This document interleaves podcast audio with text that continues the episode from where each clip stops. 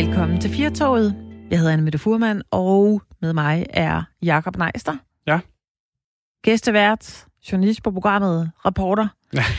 Ja, Jakob, øh, over, overskriften for, øh, for timen øh, lige nu, frem til klokken 17, det er kærlighed, det er kroppe, det er AGF og en radiorejse, Ja. Thomas Helmi og Santana. vi kommer vidt omkring. Det, det lyder som en rebus, man ikke kan gætte. Det, øh, Ja. ja. Det er lige præcis det, vi øh, kommer omkring øh, i den her time. Vi skal omkring en, en ret kendt kærlighedshistorie, som, øh, som stadigvæk er øh, aktuel på den måde, at mange mennesker interesserer sig for den. ja. Hvor gammel, ja. hvor, hvor gammel historie Altså, er vi, det? det er, vi er helt nede i 1800-tallet. Oh, ja. Ja. Så, så langt, langt over 100 år gammel. Det er sådan noget Ja, ja. næsten 150. Eller? Ja. ja. Men du ved, kærlighed, det kan man altid tale Ja. om. I uh, sidste time af Firtoget, der talte vi om uh, kroppe, og om det her med, om vi er blevet for optaget af vores kroppe på den uh, negative måde. Vi uh, talte med uh, seksolog og uh, samfundsdebattør Jakob Olrik, der har skrevet et uh, harcelerende uh, debatindlæg omkring, at nu skulle vi simpelthen uh, til at tænke lidt over, at vi ikke kun var vores uh, flade maver, men vi også skulle være ligesom vise på de sociale medier, hvad der betød noget for os Mm. som ikke var kroppen. Vi har fået virkelig mange lange sms'er. Ja. Øh, tak for dem. Øh, omkring, at øh, jeg synes egentlig, der er bred enighed, når øh, vores lyttere skriver ind om, at man skal til at, sådan at slappe lidt af. Men Ja. at man også må have lov at være stolt af sin krop, hvis man nu har fået lavet plastikbryster og fillers og alt muligt andet. ja. Altså, man må gerne være glad for det. Ja, Sin krop. Man skal bare ikke sige, at alle andre skal være på samme måde. nej. Sådan, sådan øh, er det den enstemmighed ude hos jer lyttere. Det er egentlig nogle meget rummelige lyttere, vi har. Det er dejligt. Ja, jeg synes også, der er, der er næsten ikke nogen, der er uenige. Vi får heller ikke ret meget skæld ud. Det kan være, der er sommerferiestemning ja. Ja. i den. Det ved jeg ikke, om, om øh, man sidder og lytter med, måske på stranden eller på sommerhuset. Det er også blevet eftermiddag, klokken er lidt over fire. Det kan være, man har fået sit første lille glas på Ja. sin ferie. Det Så man er generelt lidt mere afslappet. Ja. Øhm, vi skal på en, øh, en lille radiorejse igen i dag, og øh, jeg ved faktisk ikke, kan vide, hvor mange af vores lyttere, som, øh, som er på ferie lige nu.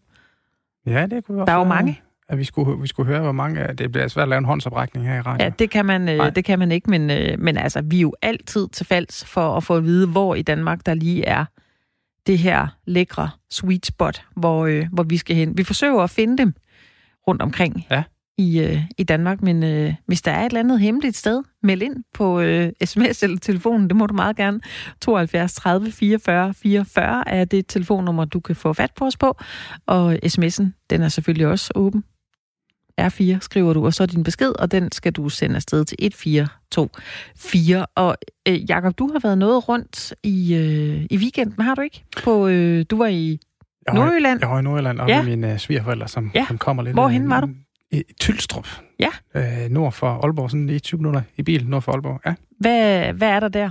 Øh, Udover græs først, og marker? Først og fremmest, så, så bor mine svigerforældre der. Øh, jamen, vi var ikke så meget rundt. Vi var bare i deres, øh, der, på deres matrikel, Ja. ja. som også er ganske stor, så vi, vi kunne sagtens nøjes med at være der. Og så øh, ved jeg, at de havde frekventeret legepladser i nærheden. Hvad, hvad der sådan lige er, der, der bliver nok svar skyldig. Ja, så du vil være en rigtig ringeguide, hvis vi sendte dig rundt, Ja, for du vil ikke rigtig vide, hvad det var. Ikke, der, der ville jeg ikke vide så meget, men øh, med mit eget fødested, Ja. ja. som er syd for Aarhus her, Hvor er det? det er Hov. Ja, Der, der, der, hvor man sejler til Samsø her fra Jylland. er der det- også en lille færge? Er der Lille ikke en færge. Altså, Nej, nej, der nej, er- ikke, ikke ja, til ja. Samsø, men, men øh, nej, det, det, øh, det er mere nord. Og det er oppe ved Limfjorden. Er det ikke? Nej, jeg, Nu- jeg jeg helt rundt. om, jeg har altså, været med en siger- lille bitte færge på et tidspunkt. Der er en færge til Samsø, som, som sådan er det selvfølgelig mindre øh, i forhold til, til Molsin, men den er egentlig relativt stor. Så er der en lille færge, der tager til Tunø. Øh, så, Så, så der, kan det være, det er den. ja, det kan være, den lille røde Ja. ja. til Tunø vil være med. Ja. Ja. Hvad er der der så? I Hov, Ja. jamen, der, jamen, der sker jo så mange ting. Der er jo, øh, der er jo lige kommet en, øh, den gode gamle havnekiosk, som har ligget der alt min tid, jeg, jeg har kendt. Den er blevet om til en øh, isbåd, mm. hvor de laver rigtig lækker is. Og så er der kommet nye ejere af Havnecaféen, som ligger nede ved Løsbøhavn, hvor man kan få øh, nogle få, men gode retter. Så, så kan man køre derned. Der er ikke øh, så meget plads, men, øh, men det er rigtig hyggeligt, og man kan sidde og se på bådene og vandet og alt sådan noget. Det lyder dejligt. Ja. Hva, hvor mange bor der i, øh, i Hov? Jeg, t- jeg, jeg, har- jeg, jeg kan ikke huske, hvornår jeg lige sidst talte efter, men øh, jeg tror, det er i Jamen, underkanten, cirka. af, underkanten af 2.000 eller sådan noget. Jeg Ja. ja. på. Ja. lille by. En lille by. Er det et øh, fedt sted at vokse op som, som barn? Ja, altså jeg elsker det. Det var jo øh, masser af skov og vand og alt muligt lækkert. Så, Ja. øh, så Så der gik du på, der, du gik til fodbold der. Altså, der er vel meget idrætsaktivitet, er der ikke det, når man, øh, når man er ude i, øh, når man bor i sådan en lille by? Jo, Jo, der dyrker man. jeg tror, det var lidt den klassiske med, at der var ikke så meget at vælge imellem. At det var, øh, altså det var, det var fodbold, øh, håndbold og så badminton og, og tennis. og- Men jeg prøvede dem alle sammen, så øh, ja. jeg har været rundt omkring. Det er jo det, vi gør her i øh, Firtoget. Vi tager dig med rundt på en, en lille radiorejse, hvor øh, en dansker fortæller, hvorfor det er så øh, skønt at være lige præcis der. Vi har været med øh, Reimer Bo, journalisten Reimer Bo, øh, på Bornholm. Vi har været på Læsø, vi har været på Ærø, og vi har været på Fanø faktisk også. Øh, og det er jo det der med, når man finder nogle lokale, som kan tale om det her område, så får man øh, de her gode steder at vide. Øh, vi kan jo alle sammen slå op i en øh, guidesbog, eller på nettet, eller hvor vi ellers øh, søger information om det sted, vi skal på ferie, men det er som regel lige at få en af de lokale til at sige, hvor er det, jeg skal sætte mig henne, og øh, lige øh, spise øh, den her dejlige ret. Vi talte med øh, en, der var kendt på Læsø, som sagde, mm, jeg synes altså, man skal sætte sig et sted ude ved Vesterø Havn, nede ved stranden, og nyde et øh, glas vin eller noget saftevand. Så det er jo ikke altid, der er øh, bud efter den her gode restaurant. Nogle gange er det det der bestemte sted, man lige kan cykle hen eller køre ned. Gå ned ad den her sti, gå lidt til højre, gå ned ad en anden sti, så er der den her skønne lysning, hvor du kan sidde. Og faktisk er de der steder nogle gange øh, endnu bedre end, end restauranterne, Ja, ja, det er det. at man lige bliver tippet om, øh, om det. Vi skal et øh, andet sted øh, hen i dag til, til Nordjylland lidt, øh, lidt senere i den her time. Ja. Om, øh, om der er mange mennesker deroppe, det ved jeg faktisk ikke rigtigt. Men har du sådan et, er der sådan et eller andet sted i Danmark, hvor du tænker, det var en speciel oplevelse for mig? Og jeg synes, der er vildt mange steder. Altså, jeg er ferieret i øh, Skagen, da jeg var barn. Vi var deroppe øh, 10 sommer i træk, tre uger på camping. så, øh, så der har jeg været virkelig, virkelig meget. Men Ja. på en eller anden måde, så var der, det var noget trygt ved det der med at komme tilbage til det samme sted og møde nogen. Altså, det var i 80'erne, så der var heller ikke sådan vanvittigt mange andre øh, muligheder, øh, man, øh, man kunne tage til. Men der, der fløj vi jo ikke sådan rundt. Så øh, der var man på camping, og, og Skagen har sådan en særlig plads i mit hjerte. Selvfølgelig, fordi når jeg kommer derop, så bliver jeg mindet om alt det her, der, øh, der var dengang, Ja. som jo står der stadig. Og det Ja, ja, synes jeg er utrolig dejligt at, øh, at komme tilbage til. Øh, men altså, Bornholm kan også noget. Jeg ved godt, det er, det er blevet sådan en, åh, man gider næsten ikke at sige Bornholm, fordi alle er bare taget til Bornholm, og alle valgfarter til Bornholm, ikke? Men jeg synes virkelig, Bornholm er, Jamen, det er også Danmarks, Super Danmarks eget skønt, øh, udland. altså. Ja. Ja. Det kan noget. Øh, jeg var på en cykeltur fra Vejle til Skagen faktisk i mine unge dage, og det øh, vil jeg gerne anbefale. Det her med at cykle rundt i Danmark. For det første, så går det langsomt, så man øh, ser øh, rigtig meget af landet på den helt langsomme Ja, måde. ja. Øh, og, og, og der kommer man rundt på nogle veje, hvor man ikke øh, nødvendigvis kører i, øh, i bil. Så øh, det synes jeg altså virkelig, den vil jeg gerne give videre, at mm. hvis Mhm. man øh, kan, så skal man cykle rundt, fordi det er altså en, øh, en fed måde at se øh, Danmark på. Hvis du har noget at byde ind med her i øh, Firtoget, så gør det endelig. Telefonen er åben 72 30 44 44 44, og sms'en den er selvfølgelig også klar. Du skriver R4, og så din besked, og den smækker du afsted til 1424. Så skal vi i gang med en lidt anden historie, fordi at øh, vi skal til Aarhus, hvor vi jo befinder os med Men Aarhus har på fodboldfronten ikke imponeret øh, i næsten et kvart århundrede nu her. Siden øh, fodboldklubben de fik øh, bronzemedalje i 1997, har AGF, de har ikke haft meget at smile af her i Smilets by. Men i går, der sikrede klubben sig minimum bronzemedalje i den her sæson. Og efterfølgende så besejrede de selv øh, FC København med 4-2, altså mægtig FC København. Så nu ligger den oceanske klub altså øh, til sølvmedaljer med to runder tilbage her. Men hvorfor er det så vigtigt for en klub som AGF, og hvad betyder det egentlig for byen? Det kan du være med til at svare på, Jens Skovby. Du er chefredaktør på Aarhus Stiftstidende. Velkommen til programmet. Tak for det. På de sociale medier, der kan man se videoer med masser af glade AGF-fans, som øh, jo fyldte byen her Aarhus i går og fejrede sejren og den forløbige bronzemedalje. Hvorfor er det allerede så stort for AGF, det her? Jamen det er det jo, fordi det, som vi sagde, er jo nærmest 25 år siden, at AGF sidst har vundet noget. Altså 25 år, hvor vi har været igennem 25 års elendighed. Øh, tre nedrykninger til første division. På et tidspunkt, så satte passer i Aarhus og trak en halv cykel rundt om, så var der spillet Superliga-fodbold i alle større byer, der mødte på nær Aarhus. Altså vi snakker øh, Vejle, Silkeborg, Herning, øh, Viborg, øh, Randers, jeg skulle selv Hobro, øh, men ikke i Aarhus. Øh, og det gør jo noget ved vores selvforståelse, det er klart. Øh, vi er landets næststørste by, vi faktisk som en motor for alle mulige andre øh, for hele Syd- og hele Vestdanmark, ikke? Øh, og så er vi ikke i stand til at have et øh, Superliga-hold. Det var jo en, det var jo en jammer. Øh, og så har de her unge mennesker der stået ude på det stadion der i 25 år og, grædt med deres øh, helte efterhånden, som de er rykket ud og har tabt og tabt og tabt og tabt. Nu er de så endelig tilbage i toppen af dansk fodbold. Og det er jo så det, man ligesom så i går aftes. Ja, godt nok har de jo ikke vundet noget nu som sådan. Jo, de har vundet mindst bronze. Men altså, sølv kan også øh, ryge hul. Men altså, det var nok til, den der sikre bronze var nok til, at der var, altså var fest både i, i tirsdag og og det var bare 25 års følelse, der ligesom blev forløst der. Men er der noget specielt ved Aarhus? Fordi hvis man kigger, nu er Aarhus jo en traditionsklub og en øh, historisk klub, men det er sådan en, som, en klub som Vejle jo også, som jo lige er, godt nok er rykket op i, i Superligaen igen. Men, men er der noget specielt ved Aarhus, der gør, at der er større forventninger til, at de blander sig i, i toppen af dansk ja. fodbold? Altså, fodbold er jo penge. Øh, og hvis ikke landets næststørste by skulle kunne præstere et, by, et Superliga-hold, der kan hamle op med, med København, det gør jo ondt på oceanernes selvforståelse her, ikke? Øh, fordi, altså tænk sig, Vejle eller øh, Silkeborg, selv Herning, ikke? Altså det er jo bare, der er jo ikke noget Herning, udover en, en markordning, en halv stadion. Øh, jeg har ikke som sammenlignet med Aarhus. Så det har da bare gjort ondt, at de Herning er i stand til det her, men det kan vi så ikke i Aarhus. Øh, så så det, det gør bare, øh, det gør noget ved oceanerne, at de nu endelig er tilbage der, hvor de, hvor de mener, de har været. Altså i, i Aarhus, alle fans, i selv, fans selvståelse, der har AGF været en topklub og en stor klub øh, i alle de her år. Øh, topklub har det jo ikke været, for de ligger der rundt i bunden, men en stor klub har de været. Den enorme medieopmærksomhed, der er omkring AGF, det gør bare, at AGF er en stor klub. Altså selv dengang de lå i første division sidst, der havde de altså tredje flest tilskuere i Danmark. Altså, der var 15.000 at se dem øh, en rædderlig martsdag i, øh, i Forstræger mod Fremad Amager. Ikke? Det viser bare, at Aarhus er en fodboldby. og alle de her mange fans, der bor i den her fodboldby, ja, de er så blevet, øh, de er så blevet sultet i alle de her år. Øh, så nu er de så endelig, endelig tilbage til op. Men det, det, nu er du selv ind på det her, det er, altså historisk, det er jo sådan nærmest historisk set, at de er en stor klub. Altså selvfølgelig er der også, at byen er stor, men, men de har jo fem mesterskaber og ni pokaltitler.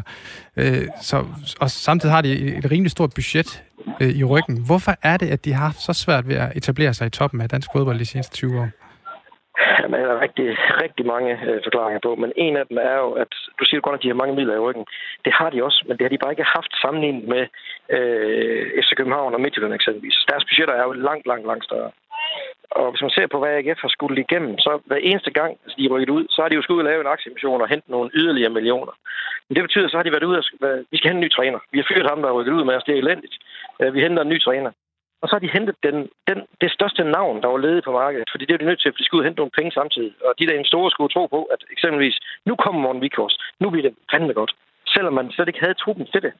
Altså, starter helt tilbage, tænker Ove Petersen, han, han kom til. Ove, han spiller sådan noget fodbold, hvor man helst skal være to meter øh, over skuldrene og kunne, øh, kunne sparke nogle folk ned så fyrer man ham og tager Erik Rasmussen. Erik Rasmussen står for en helt anden fodboldtype. Øh, det er sådan noget med, vi skal helst have tage 10 øh, kvartererne ind i en telefonboks, så vi skal spille lidt lækkert. Jeg skal skide med, at de er nogle små spillere, bare de er teknisk dygtige. Så han kigger over og siger, at jeg ikke bruge alle dem derovre. Så på et tidspunkt, så bliver Erik, øh, hans resultater svigt, og så fyrer de ham. Og så tager de Peter Sørensen. Igen en mand, der står for det, OP, der stod for, det stik modsatte Erik Rasmussen. Så har de gået fra den ene yderlighed til den anden. Det vil sige, at de har taget en ny træner, så har de skulle ud og, øh, og hente en ny trup, fordi den, den nye træner, han siger, den, den spiltype, jeg er, jeg kan ikke bruge det der. Så det er faktisk først her til sidst, da de, øh, da de henter, øh, da de fyrer med Riddersholm og henter Dan Nielsen. Det er sådan nogenlunde den samme type træner, der, der, der vil have den samme, øh, stå for den samme type fodbold. Det betyder, at de ikke skulle ud og, og skifte hele truppen ud. Det har de skulle alle de andre gange. Altså fra, fra, øh, fra Uwe til Erik, øh, fra Erik til Peter Sørensen, fra Peter Sørensen til øh, Morten Vikhorst. Så er de sprunget fra den ene yderlighed til den anden. Og det er bare betydet, at, øh, at de har simpelthen skulle ofre millioner på, på spillere, øh, og de har givet det utroligt, før de så har været tvunget til at skifte kurs endnu en gang. Det har de ikke gjort de sidste 4-5 år her. Der har de haft kontinuitet på trænerposten, de har haft det på øh, direktørfronten og på, i, øh, i bestyrelsen. Og den kontinuitet, det er bare enormt vigtigt. Hvad betyder det her for en øh, by som Aarhus? Det betyder, som jeg sagde før, enormt meget for oceanernes selvforståelse. Øh, Aarhus skal selvfølgelig være i øh, toppen af dansk fodbold. Øh, og de, altså, hvis du går, går ned på gaden af er nærmest og spørger dem, hvad er det, hvad, hvad er det første, du tænker på, når jeg siger øh, Aarhus, så siger langt hovedparten af dem jo AGF. Det siger de jo før, de siger den gamle by, eller musikhus, eller Aarhus. Så siger de AGF. AGF er bare synonym med Aarhus. Og når det går AGF dårligt, så græder øh, store dele af Aarhus. Så nu her, når det endelig, endelig, endelig går godt, jeg så jubler øh, Aarhus så sandelig også med dem. Jeg kan fortælle jer, at øh, uanset, det er klart, får de sølv, så bliver festen endnu større. Men selv om de skulle øh, kigge de to sidste kampe, de mangler her, og så kun på bronze, så bliver det stadigvæk en kæmpe, kæmpe fest i Aarhus på søndag, fordi nu vil de bare markere, at AGF er tilbage i toppen af dansk fodbold. Men kan man kigge ud over det her, hvis man nu, fordi nu fokuserer vi jo selvfølgelig meget på fodbold, fordi det er AGF, vi snakker om. Men øh, hvilke positive effekter kan der være for eksempelvis andre kulturelle øh, områder, hvis, hvis nu AGF de klarer sig godt? Jamen, altså, det, det var bare, det endte jo lidt med, at AGF blev en, blev en joke. Altså, det var, det var jo, AGF var en, en, en, en joke på et tidspunkt. Ikke? Vi kaldte dem, på vores tidspunkt kaldte døbte dem jo galehuset, fordi alt, hvad de lavede, gik jo galt. Altså, bedst eksemplificeret med, da, de fyrede deres træner på et herretoilet i Vejle. øh, mens en af, vores, øh, en af mine kilder sad inde på et, øh, et toilet og lyttede til det hele. Der stod Kurt Andersen, der ejede klubben dengang, og direktøren fra Kæska, og de sidder over kors for at snakke om, at i morgen der fyrer vi træner. Så vi kan afsløre det i dag, avisen dagen efter. Altså, det er jo en... Øh, det, det, det, der har været en perlerække af elendige beslutninger og dårlige ledelse derude. Øh, og det betyder bare noget, hvis, hvis Aarhus hele tiden bliver, bliver bliver en joke. Altså, i forvejen har vi Aarhus historie. Øh, men hvis, hvis Aarhus hele, hvis hele tiden bliver bekræftet, at Aarhus er sgu en joke, og, og det er byens fodboldhold også, jamen så, så, så, så kommer der bare et skidt skær over, øh, over, over Aarhus generelt. Det tror jeg ikke, at de andre kulturinstitutioner eller andre inden for underholdningsbranchen har godt af. Tværtimod kan AGF ligesom være motoren, der kan, der kan trække øh, en masse andre ting til. Så Aarhus bliver den succes, det selvfølgelig skal være, fordi vi er øh, motoren i Vestdanmark. Jamen, også på det punkt er det bare vigtigt, at AGF hører til i toppen af dansk fodbold. Og det gør de så bare nu, og det tror jeg faktisk også, og der er håb om, de gør næste år. Det er klart, der er lang, lang vej til Midtjylland og til, øh, til FCK endnu, fordi deres budgetter bare er så mange gange større. Men lige nu er AGF jo ved at nå op på et niveau, hvor de øh, kan måle sig med Brøndby, med OB, med øh, OB øh, og Nordsjælland, de andre hold, der ligger over på den del af tabellen der, ikke? Øh, og så skal de bare, ja, bare, siger det er ikke let, men så skal de bare tage springet øh, længere frem, at jeg kunne måle sig med de to andre, men der er altså lige et stykke vej nu, før vi er helt deroppe. Ja, du er selv inde på det, så det, det er lige sådan et afslutningsspørgsmål, du kan få her. Fordi er det her sådan en one-season wonder, eller, eller ser du noget vedvarende i AGS-succes? Nej, det er bestemt ikke et uh, one season. Altså, der er dermed ingen garanti for, at de får medaljer næste år, men de kommer helt sikkert i top 6. Fordi i modsætning til tidligere, helt stor forskel er, at AGF nu har en økonomi, der stort set balancerer. Tidligere gav fodbolddelen så stort et underskud, at de var tvunget til at sælge spillere hver eneste år for at gå i nul. Det vil sige, at hvis de havde et stort talent, Øh, for eksempel Morten Duncan, som AGF jo havde på et tidspunkt, som var landets suverænt største angrebstalent. Kom Brøndby og sagde, jeg vil godt købe ham for 10 millioner kroner. Så kunne FC sige, at han koster 30. Ja, det er vi ligeglade med, vi giver 10. Og så var de to dem, fordi ellers kunne så de give ud med et kæmpe underskud. Nu løber økonomien næsten rundt. Det vil sige, at nu har de for eksempel Bundo, som er et kæmpe øh, talent.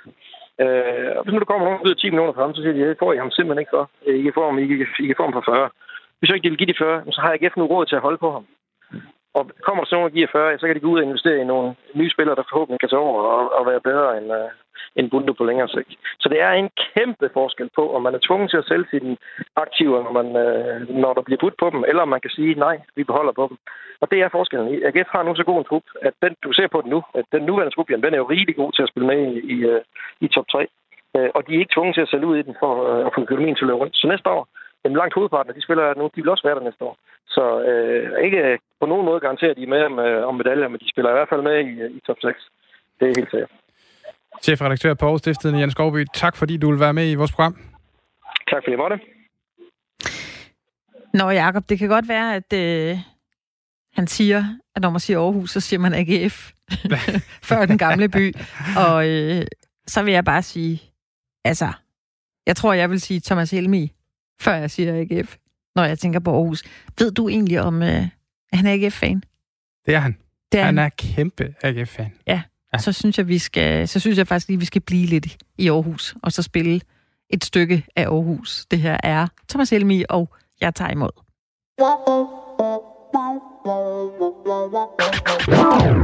Dine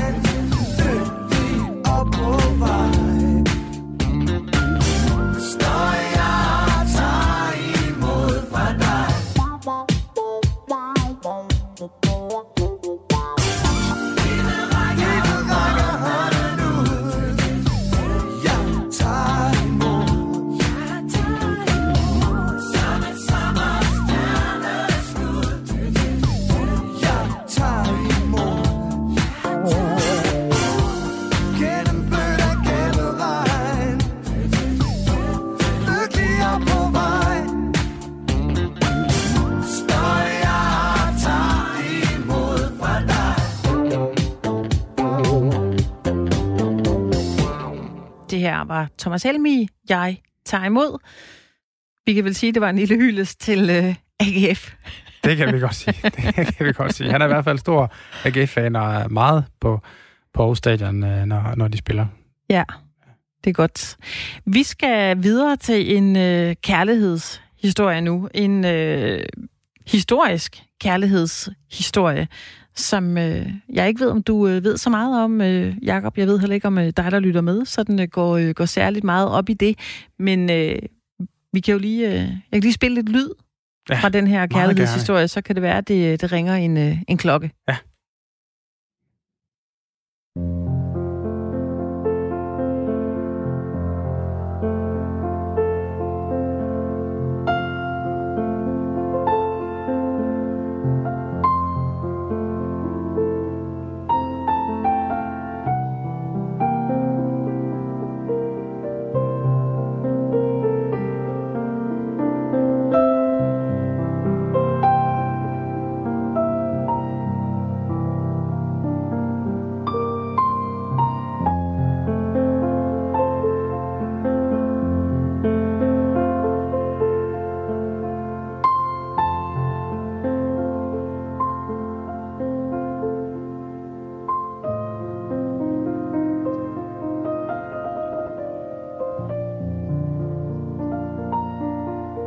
Siger det der noget, Jacob?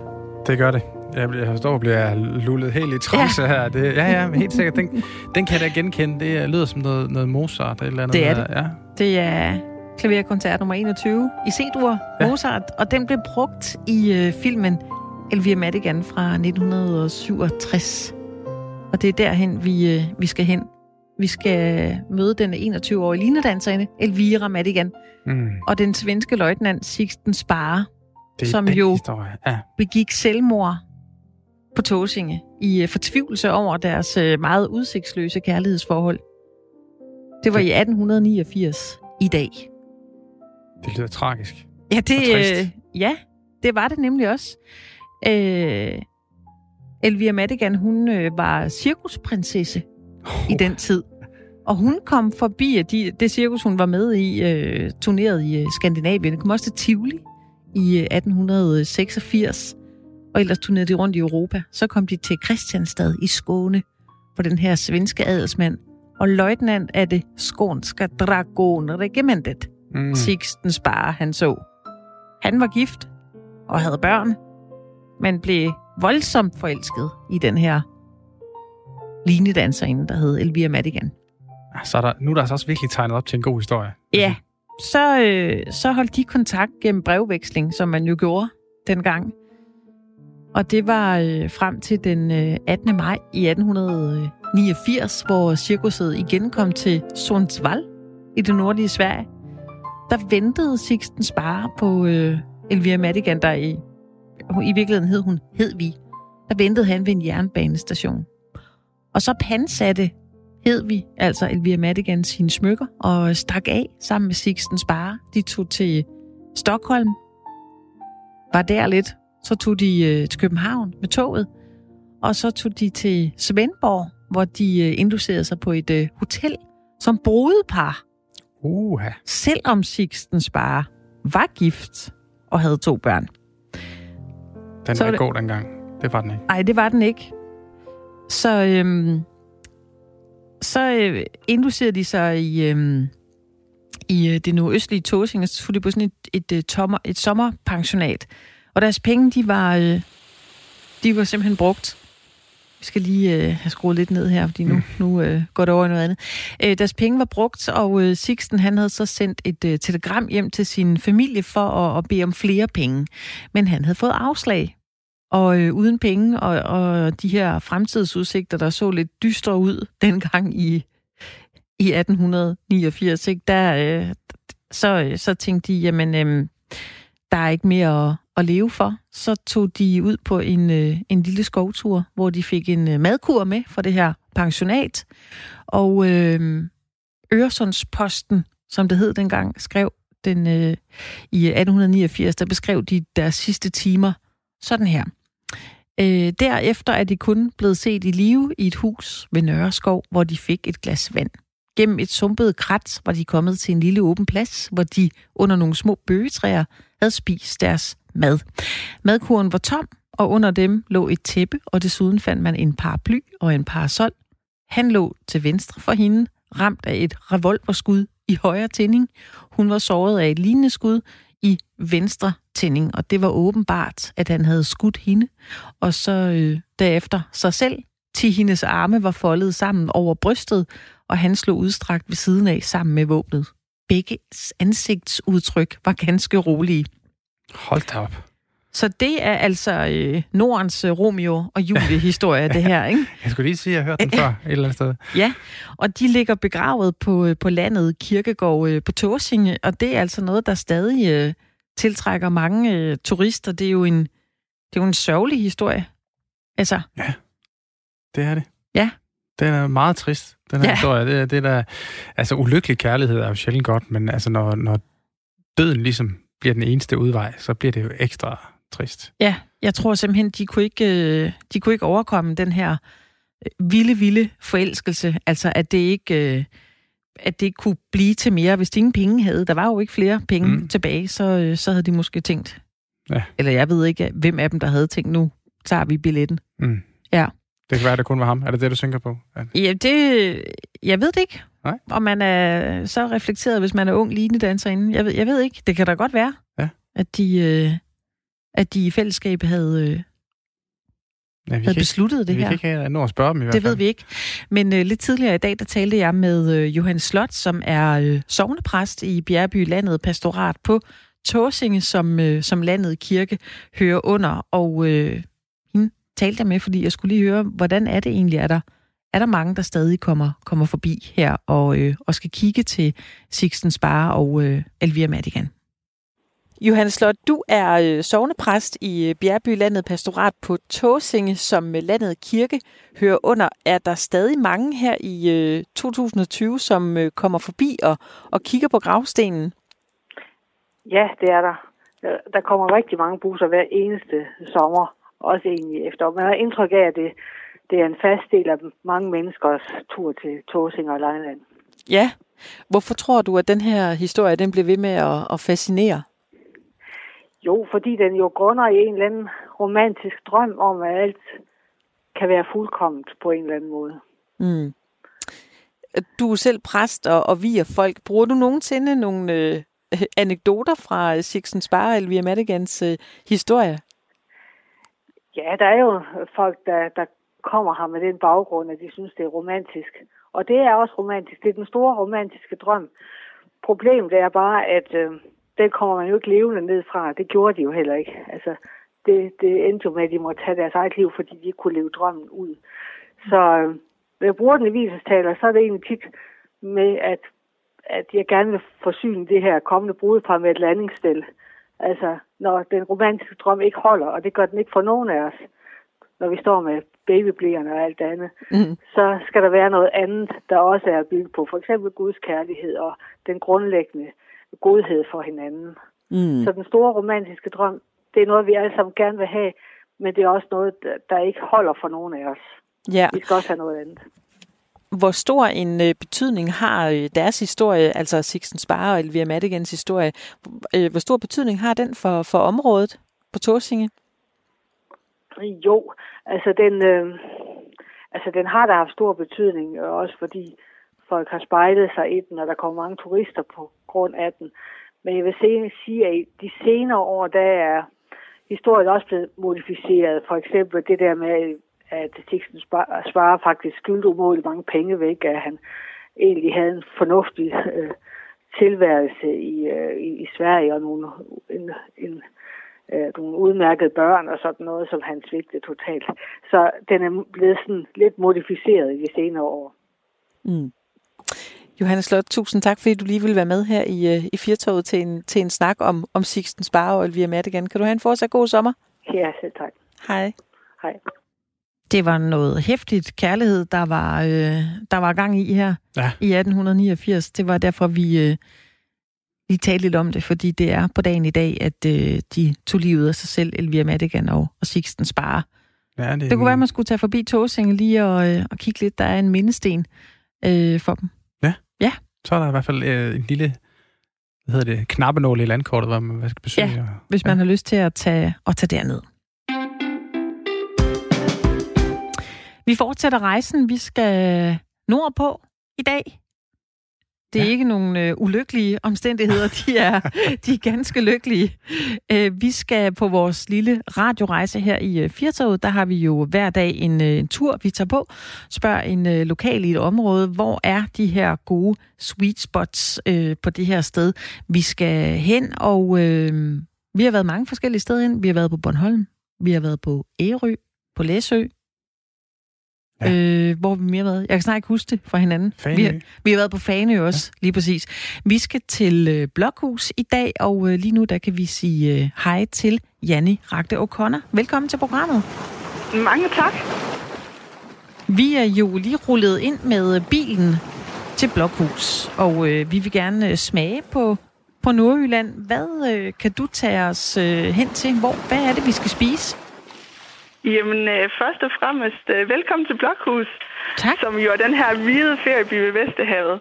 Og så tænker jeg, det kommer der meget an på, hvad står I lige har lyst til. Fordi her i Blokhus, der har vi faktisk et meget stort udvalg af, af spisesteder, lige her i centrum af Blokhus. Ja, Ja, Og, og hvad Så- hvis... Jeg var, øh, fortæl du endelig videre, Janni, hvis du var ved at, udse- at specificere lidt nærmere.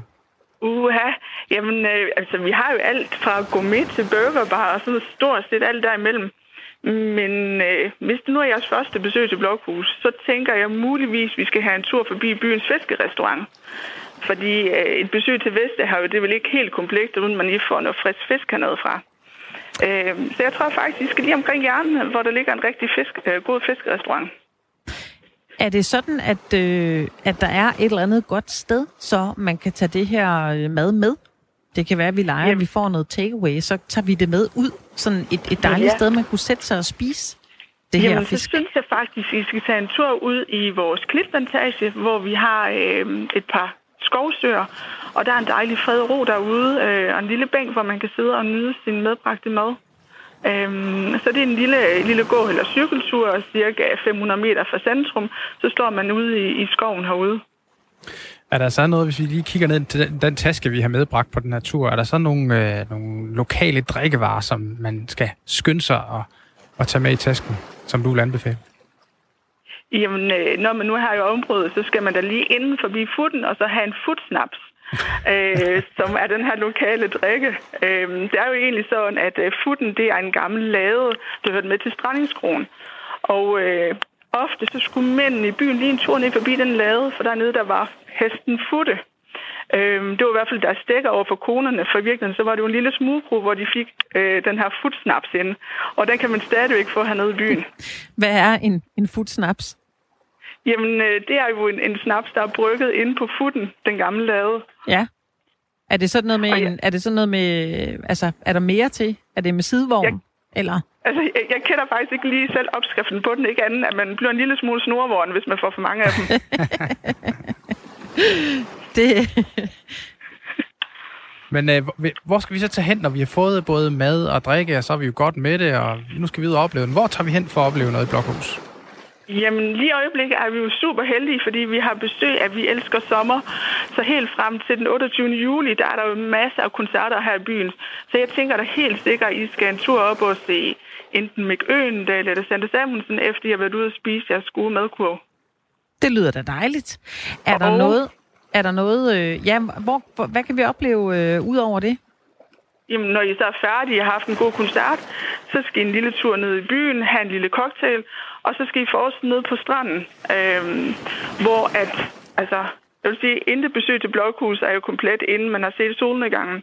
Så bare kravle op i klitterne, finde en rigtig god plads, og så bare sætte sig derop og lade sig fordybe i, når solen den går ned, og hvordan alle farverne de skifter i området. Det er sådan et helt magisk tidspunkt på dagen, øh, som man helt sikkert skal opleve, når man er en tur i Blokhus. Det lyder altså også rigtig, rigtig rart. Hvis man nu bliver så forelsket i Blokhus, efter man har været rundt de her steder, og man har fået noget godt at spise og noget at drikke, øh, Janni, kan du så øh, kan du, kan du liste nogle ting, vi simpelthen bare ikke må gå glip af, hvis vi nu har lyst til at være der i en 4-5 dage? Uha, altså der sker jo altid rigtig meget heroppe i Blokhus. Øhm, men hvis man nu ser på dem, så har vi jo en rigtig fed skulpturpark heroppe. Vi har et papirsklip-univers. Vi har sådan noget som Forb Sommerland, som man jo alle sammen skal en tur i hver sommer. Øh, vi har lækker råvaremarked med lokale øh, specialiteter. Øh, der er mulighed for at komme ud og svømme med vores lokale badedamer hver eneste morgen kl. 8 ude i Vesterhavet, og det kan man faktisk gøre hele året rundt, så det er lige meget, om man kommer op vinter eller sommer. Øh, jamen, oplevelserne, de står simpelthen i kø heroppe. Må, må jeg lige spørge, badedamerne, siger du? Hvem, Ja. hvad, hvem er det?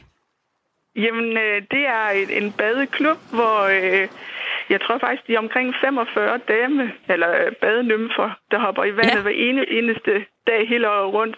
Og når man kommer på besøg, så må man rigtig gerne være med. Øh, komme ned og bade sammen med dem. De starter altid med en lille sang, og de får en lille snaps, og så en tur ud i Vesterhavet. Nu står jeg jo og bliver helt øh, kønsdiskrimineret her, fordi det kun er badedamer. Må, må jeg også ja, komme, hvis jeg Det tager kan du tro. Hvis du er gæst i området, så er du meget velkommen også som mand. Det lyder da, det lyder da fantastisk. Øh, Janni, hvad er status på øh, besøgende lige nu?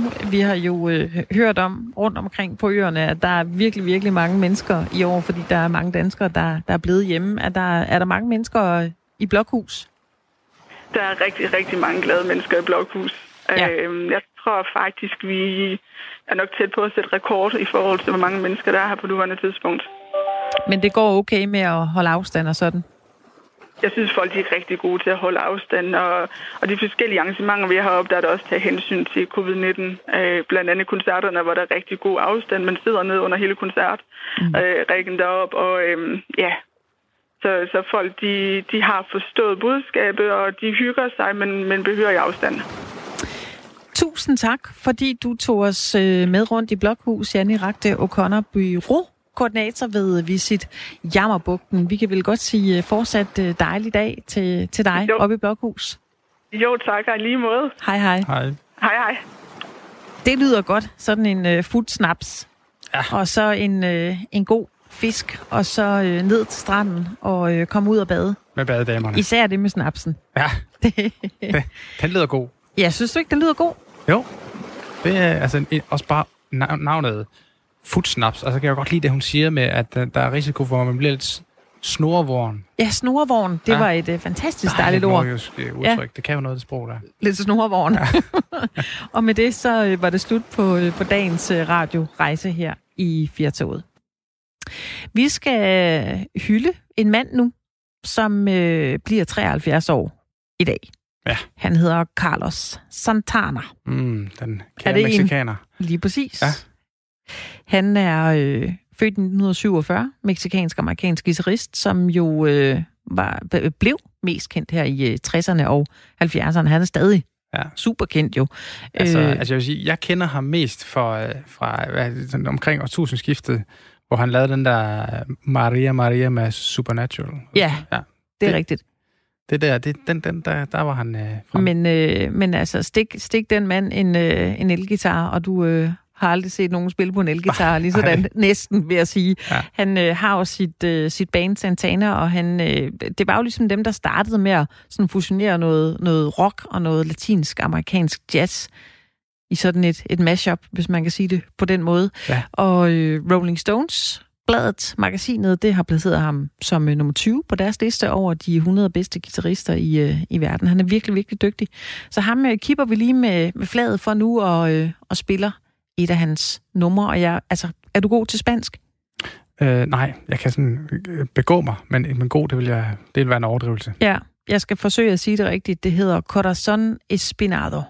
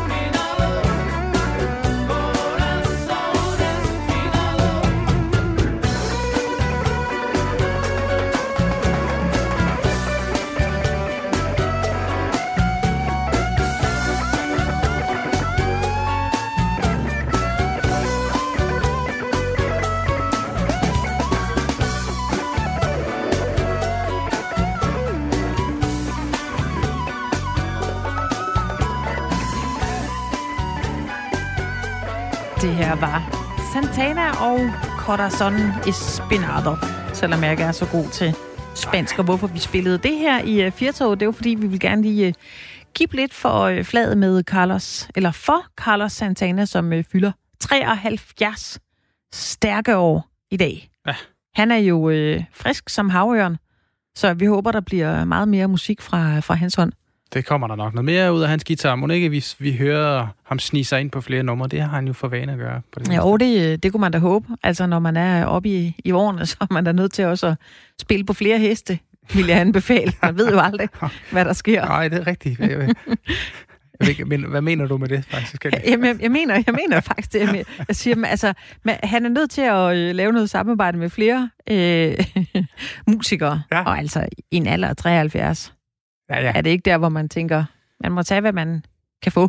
Altså, han var også... Jeg tænker, det der med at spille guitar, nu ikke fordi jeg selv øh, er specielt dygtig til det, men, men det, man, det, det er jo sådan en rimelig hæftig fingergymnastik. Altså, man skal flytte de der fingre hurtigere. Det gør han jo også, når han spiller guitar. Det er han jo enormt god til, men det må der, der må der med alderen komme lidt... Altså, det må lidt mindre tempo på. Det må blive sværere, og jeg ved det ikke, men han virker som om, at han er upåvirket. Jeg tror altså, det gør noget godt ved ens hjerneaktivitet, at man har øh, spillet på et instrument. Altså, Ja. at, at, man, øh, at man laver de der øvelser øh, hver dag på et instrument. Det bilder jeg mig ind. Det Se giver- på øh, Keith Richards. Øh, han har vel øh, drukket øh, de første, øh, jeg ved ikke hvor mange, 4.000 flasker whisky. Jo, jo. Men, Og han er jo også oppe i årene, og han har overlevet det hele. Ja, Gammel rock'n'roller. så du mener, det forlænger ens levetid? Med at være- ikke lige det vil jeg ikke sidde her og, og øh, plædere for, at man skal, man skal gøre som, som ham. Men, men han er jo også øh, guitarist, og øh, jeg synes da på ingen måde, han lyder som om, han spiller langsommere, selvom han er oppe i årene. Det kan være, du skulle starte på at spille guitar, Jacob. Ja, men jeg er faktisk begyndt. Det er, ikke, Er du det? Ingen, ingen løgn. Ja, ja. Jeg er bare ikke særlig god til det. Nej, nej, Nej. men altså, alting øh, har en, en begyndelse. Ja. ja. Vi har øh, nogle gange her i øh, Firtoget kigget øh, på øh, det, vi kalder agurkenyt. Ja. Det er jo de her historier, som man tænker, er det ikke fuldstændig ligegyldige øh, historier ude fra, øh, fra de lokale redaktioner? Og det kan da godt være, men det er da også de historier, som øh, vi nogle gange synes er de sjoveste, faktisk. og som er til undren og, og også øh, kan noget med at, at fascinere. Helt sikkert. Det Ja. er jo sådan lidt kuriøse. Det er jo, så bliver man jo, man tænker, hvorfor, hvorfor er det lige, det sker, det her? Ja. I de mærkelige situationer. Ja. Øh, vil du starte? Ja, det vil jeg gerne.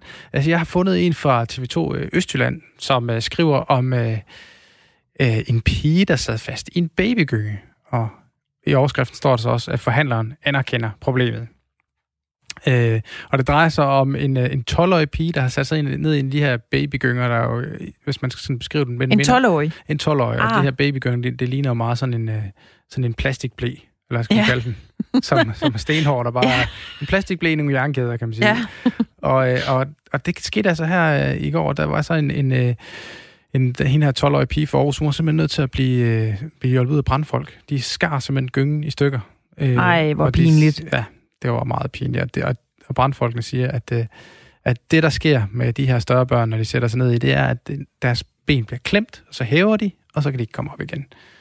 Og, øh, og det må man nok tænke til alle jer, der er, hvad skal vi sige, over 10 eller derover, lad være med at sætte jer ned i de her babygynger. Det, Ja. Der er en grund til, det Men hedder det er jo- en babygynge. Oh, du kender, det er fristende, fordi mens man stadig altså ikke er vokset så meget, så, så har man jo lyst til lige at prøve at sætte sig ned i den der igen. Jeg kan godt følge hende. Jo, jo. Nå, men hun overlevede uden men, så. det, det, det, det melder historien, ja. Okay, Men, øh, men øh, de, de fraråder andre og efterlige hende i hvert fald. godt så. Den er hermed givet videre, hvis du er ude på nogle af de der legepladser på din ferie. Lad være at sætte dig ned i, øh, i babygyngen. Noget, der er for småt. Ja, jeg har også fundet en, øh, en agurkehistorie her, fordi vi skal til, øh, vi skal til Vejle, hvor øh, en øh, helt almindelig øh, dame går op og ned ad gågaden, kigger lidt butikker, og så øh, stopper hun op og kigger på en, øh, en, øh, en herretøjsforretning, og så mærker hun noget vådt ned ad sit bukseben. og selvom der er et øh, springvand i nærheden, så var oplevelsen lidt uvandt. Ja. Det var ikke øh, noget, hun havde prøvet før. Og da hun så ser ned, så kan hun simpelthen se, at der er en hund, der er i gang med at tisse sin op og ned af benene. Nej. Ja. Den er også træls. Det er den. Jeg håber ikke, at... Øh, altså, jeg, jeg håber virkelig ikke, at, at, øh, altså, at hun var besøgende. Nej. i Vejle, og så bare skulle gå, og så simpelthen ikke havde noget øh, rent tøj med, fordi sådan noget hundetis, man kan ikke rigtig sådan lige tørre det af, men det lugter jo vildt dårligt. Men jeg må sige, det er virkelig en agurke-historie. Altså, øh, og øh, det er øh, Vejle24.dk, hvor jeg har fundet den her øh, agurkehistorie, og, øh, og, øh, og der, øh, der skriver de så til allersidst, vi kan kun opfordre hundeejere til at sikre, at deres hunde ikke tisser op ad Ja, det, det, Det, og det, er jo det er den- godt set. Det, det den kan, den her historie. Det er lige at minde om alle jer hundeejere, der er derude, ja. og om at lad nu være med at få jeres hund til at tisse op af andre folks ben. Det er simpelthen øh, utrolig godt, at den journalist, der havde skrevet det, tænker, I får lige det sidste her med. Ja. Jeg vil godt komme med en opfordring. Præcis. Så øhm, det, var, øh, det var noget agurkenyt herfra. Ja. Øh, og jeg har... Øh, ja, jeg ved ikke om... Øh, vi kan godt fortsætte lidt, ikke? Jo. Altså, Jo. i øh, 1639, i dag, der øh, blev det første af de to øh, enestående guldhorn fra oldtiden fundet ved, øh, i, eller fundet i jorden selvfølgelig ved Gallehus i Sønderjylland. Mhm. I Sønderjylland. I Sønderjylland, Ja, ja. ja. Det var i dag.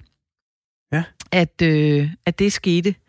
Og så var det jo også øh, i dag, altså det er måske lidt tavligt at nævne her halvandet minut i fem, hvor vi øh, takker af for i dag, men, men det var faktisk i dag i 1969, at den første månelanding fandt sted. Det synes jeg er, er vildt. Altså, det, er- det er jo... Og det, jeg synes, der er vildt i den her, nu, nu øh, er- kommer vi jo ind over og trykker lidt på de her konspirationsteorier, men det, der er vildt, det er, at vi jo aldrig gjort det igen. Altså, Nej, og så er der jo mange af de her te, te, øh, konspirationsteoretikere, der vil sige, at Ja. det er, fordi det ikke skete. De havde jo Area 54 over i USA, det er jo der, de landede, og de gengav det hele, og det er aldrig sket. Men øh, jeg, ved, jeg ved faktisk ikke, hvor helt... Hvor, nej. altså, jeg, jeg tror nok, jeg tror på månelanding, men jeg, jeg kan bare ikke forstå, hvorfor man ikke har gjort det siden. Nej, de, det var jo Neil Armstrong og Buzz Aldrin, der landede på månen ja. med et landingsfartøj fra moderskibet Apollo 11. Og du har da fuldstændig ret nu, når du siger det. Det er da lidt mærkeligt med al den teknologi, vi har. Altså, hvorfor er det ikke sket lige siden? Ja, det er jo sådan kunne relativt lang tid siden, ikke? Jo, jo. Jo, 1969, det er da en del år siden. Jamen, det, du har fuldstændig ret. Igen var det en af de her agurkesår. Det kan være, at vi skal tage den op i uh, firetoget i morgen, Ja. fordi jeg står faktisk her og bliver lidt nysgerrig over, øh, hvorfor det, øh, det egentlig øh, ikke er sket før. Men vi skal takke af for i dag. Mandagens udgave af firetoget er slut. Hvis du bliver hængende her på kanalen, så kan du lytte til et program, der hedder Snickers mere end sko. Vi er tilbage igen i morgen.